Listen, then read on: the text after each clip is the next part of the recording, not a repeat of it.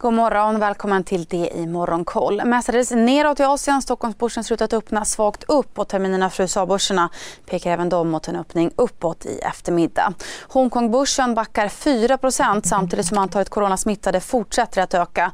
Igår bekräftades 32 000 nya coronafall i Hongkong, en siffra som enligt myndigheterna kommer fortsätta stiga. Samtidigt upplever Kina den största covidvågen sedan den nationella nedstängningen i mars 2020 och lockdown har införts i bland annat teknik teknikmeckat Shenzhen. Shanghai och Shenzhenbörsen är ner 1,5% vardera. Tokyobörsen däremot stiger 1% Samtidigt fortsätter techaktier att pressas. E-handelsjättarna JD.com och Alibaba backar 10 respektive 8 och en rysk, eh, enligt en rysk delegat ska betydande framsteg ha gjorts i samtalen mellan Ryssland och Ukraina och ett avtal kan snart vara på plats, rapporterar Reuters. Samtidigt varnar USA Kina för att det kommer få konsekvenser om man hjälper Ryssland att kringgå sanktionerna efter uppgifter i Washington Post om att Ryssland ska ha bett Kina om militär utrustning.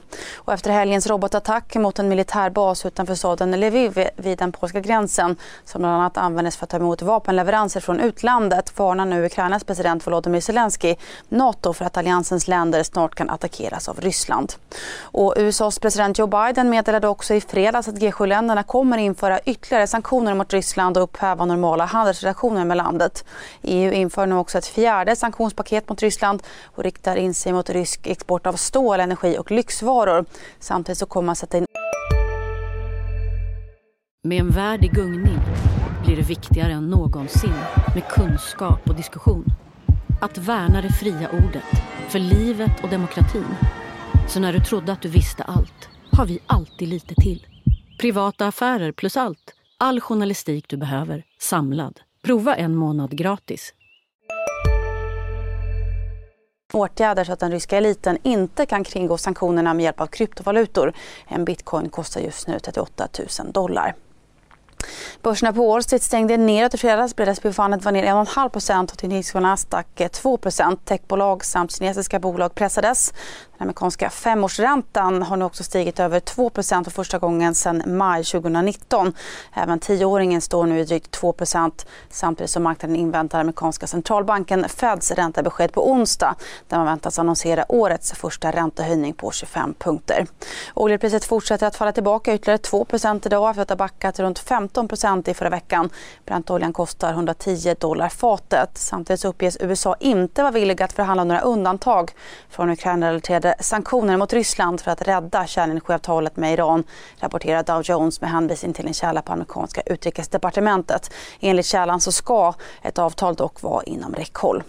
Och så till Sverige där läkemedelsbolaget AstraZeneca fått USA-godkännande för Lymparsa för behandling av patienter med BRCA-mutation vid tidig bröstcancer. Och styrelsen i finländska gamingbolaget Next Games rekommenderar enhälligt aktieägarna att acceptera budet från amerikanska Netflix.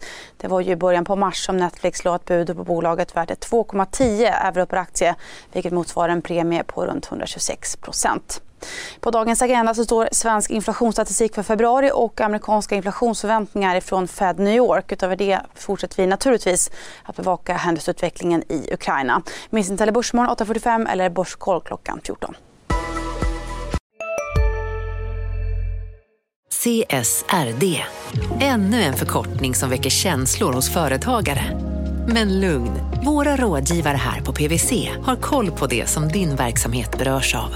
Från hållbarhetslösningar och nya regelverk till affärsutveckling och ansvarsfulla AI-strategier.